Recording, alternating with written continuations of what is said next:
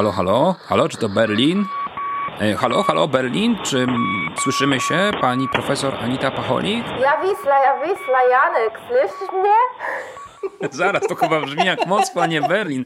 Cześć, Aniko, witamy panią profesor e, Anitę Pacholik, którą będę chciał zaraz namówić na rozmowę o kognitywistyce. Ale zanim to wytłumacz się z tego Berlina, co ty właściwie tam robisz? Do Berlina przyjechałam na urlop naukowy, spędzam tu cały e, rok. E, zobaczymy, może, może i, i dłużej. No i próbuję się zintegrować tutaj ze środowiskiem naukowym, co nie jest łatwe ze względu właśnie na pandemię.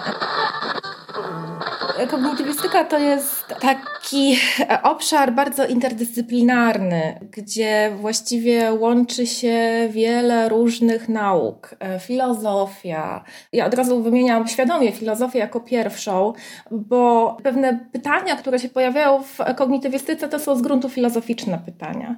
To jest oczywiście y, y, sztuczna inteligencja jako generalnie dyscyplina naukowa, e, ale oczywiście psychologia też, neuropsychologia, e, lingwistyka.